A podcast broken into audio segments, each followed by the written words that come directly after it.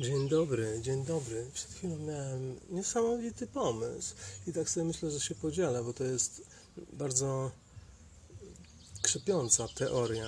Otóż tak, pomyślałem sobie, że rzeczywiście różnica pomiędzy tym, co dzieje się z naszym umysłem podczas snu i tym, co dzieje się podczas jawy, nie jest aż tak znaczna. To znaczy, tutaj przede wszystkim podczas jawy jesteśmy atakowani pełnym sensorium i reagujemy na to wszystko, nie? Natomiast podczas tego, podczas snu jest znacznie mniej bodźców, zostają raptem tylko bodźce mm, bezpośrednio, no to e, jakiś lekki dotyk od e, tego, gdzie leżymy i e, słuchowe, a cała reszta jest ładnie odcięta, podejrzewam. No i teraz e, nasz mózg dorysowuje możliwe scenariusze, prawda?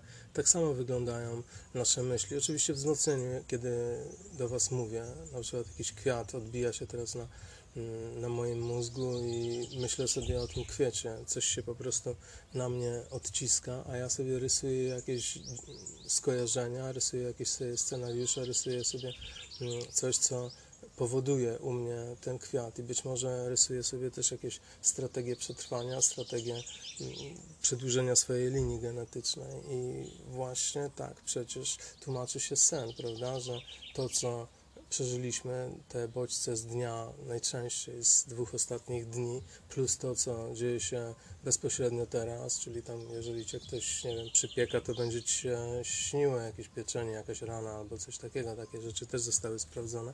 No i twój mózg pod wpływem takich naprawdę mizernych bodźców, no i zwolniony też, może sobie troszeczkę więcej porysować na mm, scenariuszy na podstawie tego, co było przeszłe, prawda? Dlatego, że w tym momencie nie jest zasypywany bodźcami, które są bezpośrednio dziejące się w czasie, no to może sobie mm, abstrahować. Nie? No i teraz, no i e, tu stąd, znowu wyda, wydaje mi się, że wejdę w jakiś ekumenizm teoretyczny, że pogodzę tę teorię mm, z teorią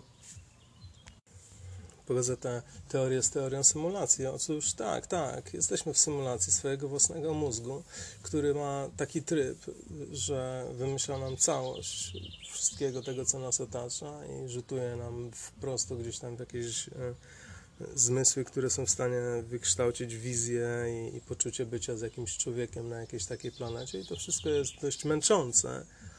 Aż w którymś momencie ta platforma cała musi się troszeczkę zregenerować i wtedy się po prostu zawodnik, zawodnik kładzie spać. Tam się kurczę bateryjki do ten, doładowują, tam spokojnie się systemy chłodzenia włączają, żeby trochę to e, ten, jakieś tam drobne pace reparacy, reparacyjne są być może wtedy schedulowane, a my się po prostu wtedy wcale nie wyłączając e, tego całego możliwości główkowania, tylko po prostu na znacznie spowolnionym tempie, w trybie, e, w trybie backup e, maintenance sobie po prostu rysujemy nasze sny wtedy. Nie? Wstajemy później i znowu dorysowujemy tym razem rzeczywistość, która nas atakuje i tak dalej, i tak dalej. No i tak myślę sobie, że to bardzo fajna teoria. Śmiała. I zgadzająca się z wieloma danymi empirycznymi. tak myślę sobie. Dobra, no to co? Zostawiam z tym e, miłym przypomnieniem, że niekoniecznie musi być tak, jak nam powiedziano, albo jak nam się wydaje. Pozdro 600, dobranoc.